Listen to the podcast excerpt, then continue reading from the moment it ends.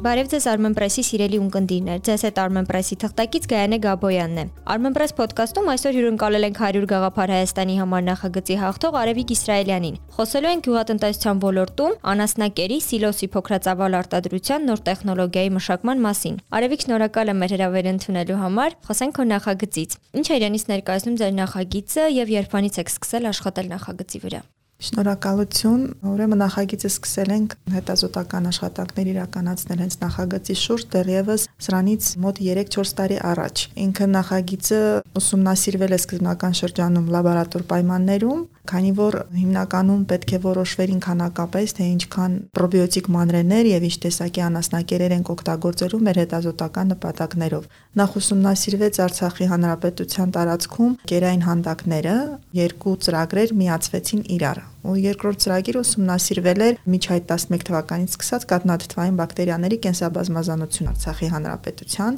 Գերահանդակների ուսումնասիրության ծրագրի շրջանակներում հետազոտվեց եւ բարձվեց, որ Արցախի հանրապետությունում հիմնականում որպես անասնակերեր օգտագործում են 3 տեսակի հումք, լուսական զանգվածի տարախոտ, որը իր մեջ ներառում է մի քանի տեսակի կանանչ կենսազանգված, կորոնգանի կամ էսպարցետի անասնակեր եւ եգիպտացորենի անասնակեր։ Մեր կողմից ուրեմն ուսումնասիրված մանրենները, մասնավորապես իմ գլխավորությամբ զբաղվում ենք հենց կատնաթթվային բակտերիաներով, այնտեղ կային տարբեր կատնաթթվային բակտերիաներ, որոնք ունեին պրոբիոտիկ հատկություններ եւ սնունդ փչացնող մանրեների նկատմամբ ցուցաբերում են իրենց առավելագույն ազդեցությունը։ Ելներով դրանից մշակվեց եւ ստեղծվեց կոնսորցիում, համակցություն տարբեր մանրեների եւ խմորասնկի, որից հետո արդեն ընտրված 3 տեսակի այդ անասնակերերի վրա փորձարկումներ սկսվեց լաբորատոր պայմաններում, իսկ 19 թվականից պլանավորեց եւ 20 թվականին տրվեց տոհմակայանում առաջին փորձը, խնապատի տոհմակայանում Արցախի հանրապետության ցավոք սրտի տոհմակայանի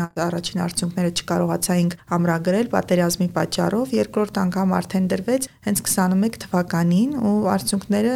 ամփոփեցին մեր արդեն իսկ լաբորատոր պայմաններով ստացված տվյալներին։ Նշեմ, որ իրենք կատնաթթվային բակտերիաներով սիլոսացման այդ ծրագիրը անասնակերերի ստացման Արցախում եւ Հայաստանում նմանատիպ տեխնոլոգիա դեռևս գյուղատնտեսության բնագավառում ներդրված չի։ Իսկ այսօր աշխարհում զարգացած գյուղատնտեսական երկրները հենց ներդրում են նոր տեխնոլոգիաներ անասնակերերի արտադրության, մասնավորապես նման եղանակներում օգտագործելով հենց կատնաթթվային բակտերիաները։ Քանի որ նախ առաջին կատնաթթվային բակտերիաներով անասնակերերի ստացման ժամանակ անասնակերերի կորուստը 30%-ից նվազում է մինչև 5%։ Երկրորդ անասնակերերով հենց կատնաթթվային բակտերիաներով հարստացումը հանգեցնում է նրան, որ այստեղ պրոբիոտիկ մանրենները իրենք ոչնչացնում են վնասակար միկրոօրգանիզմներին, այս ձևով խթանելով եւ ստանալով անասնակերերի ֆունկցիոնալ սնունդ, որի միջոցով արդեն սնունդը տալով անասուններին նախ կանխվում է աղտածի մանրենների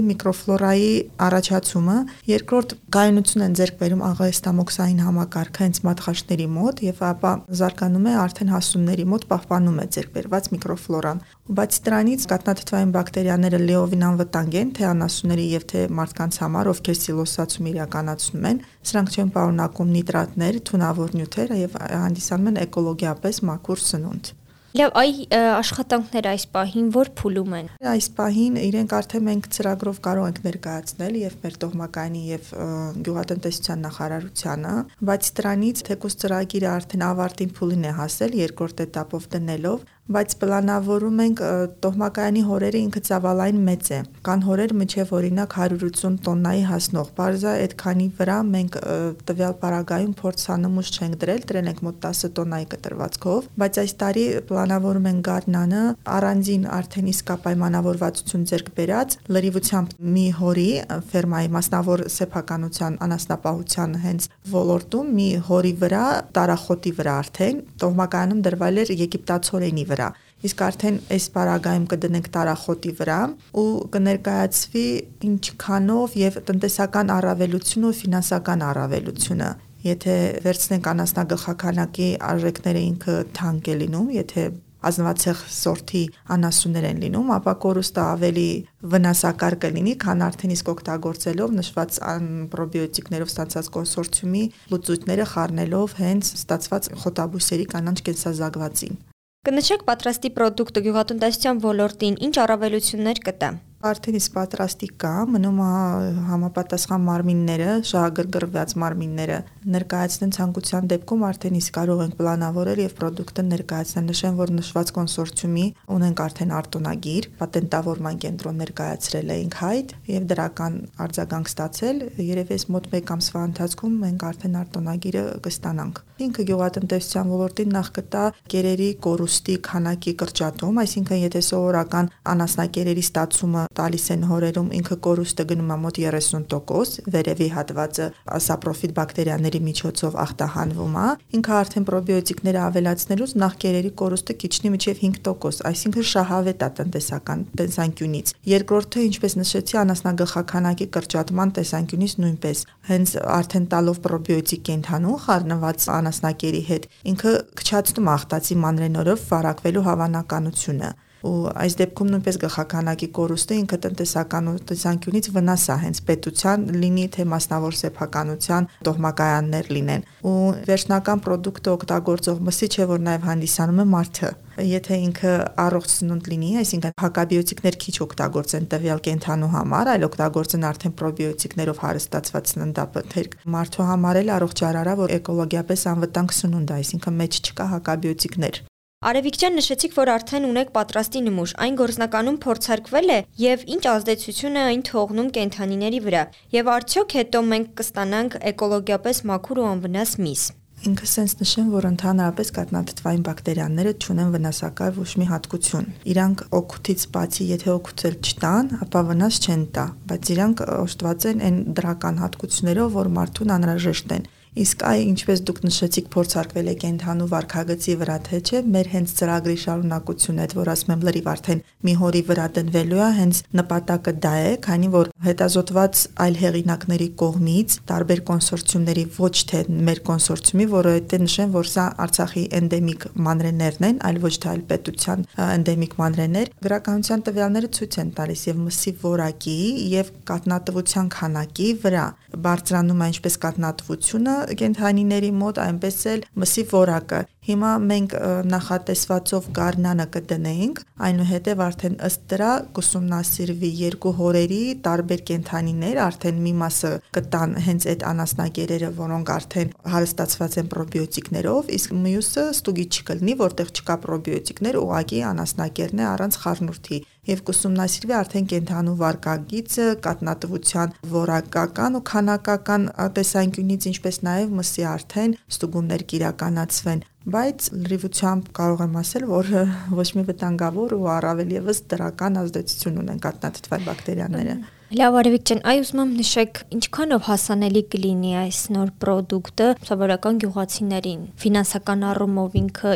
մոտավոր ինչ արժեք կունենա ու սովորական գյուղացուն հասանելի կլինի թե չէ։ Մոտավոր արժեքը այս պահին չեմ կարող ասեմ, բայց այն որ էժան կլինի գինը, էժան կլինի նրանով, որովհետև մենք որպես հումք օգտագործելու ենք աճեցման համար կատնաթթվային բակտերիաների Արցախում արտադրվող կատնամթերքի գործարաններում արտադրվող թափոնների վրա, այսինքն թափոնները, շիճուկները, որոնք թափվում են, կարող ենք վերցնել եւ հենց թափոնների վերամշակման միջոցով դրանց վրա արդեն աճեցնելու կատնաթթվային բակտերիաները գյուղացիները կամ անհատ ուրեմն ֆերմային տնտեսությունների սեփականատերերը օգտագործեն ելնելով դրանից գինը էժան կլինի։ Այնքանով էժան, որքան եթե պատկերացնեք, ասում եմ համեմատելու լինի անաստագլխականակի կորուստը կամ դեղամիջոցների գնումը, ապա ելնելով դրանից շատ էժան է դառնում ինքը։ Արևիկ ջան, նշեցիք, որ ձեր ծրագիրը մենակ գաղափարը չի, այսինքն դուք արդեն ունեք պատրաստի ապրանք, որը կարող եք ներկայացնել, փորձարկել։ Ուզում եմ հասկանամ, այս պահի դրությամբ ունեք հետաքրքրվածություն նախագծի շուրջ համապատասխան ոլորտներից։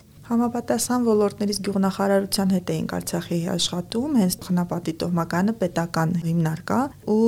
միջամտությամբ հենց գյուղնախարարությամբ մենք իրականացրեցինք ծրագիրը։ Արդյունքները վերջնական этаպին իրանց արդեն կտրպվի փետրվարի վերջին, ինչ արդյունքների հասան, քանի որ ընթացքում մենք հետազոտում ենք եւ տոհմակայանում դրված նմուշները եւ արդեն լաբորատոր պայմանների եւ այնտեղի ինչպիսի ախտացի մանրեներ կամ պրոբիոտիկներով հարստացնելուց հետո ինչպիսի քանակական նվազում նկատվեց, բայց դրանից կարևոր մի փաստն էլ այնա, որ ինքը ուրեմն կատնաթթվային բակտերիաներով հարստացումից հետո սպիտակուցի քանակությունը, որը կարևոր է կենթանիների համար, մոտ 1.5-ից 2 անգամ ավելանում է։ Ու պլյուս դրան կատնաթթվային բակտերիաներից որոշների մոտ կան մի հատկություն, նրանք խառնելով հենց սիլոսացվող բույսերի հետ բարձրացնում են մեթիոնինի եւ լիզինի քանակությունը, դրանք անփոխարինելի ամինաթթուներ են հենց կենթայիների համար, որը նույնպես շատ կարեւոր է այս պարագայում։ Արդյունքները տալուց հետո ըստ ինձ, եթե չանցնեն այլ ուղղության եւ հիմա ելնելով դրանից, որ կերահանդակներ Արցախի հանրապետությունում պատերազմից հետո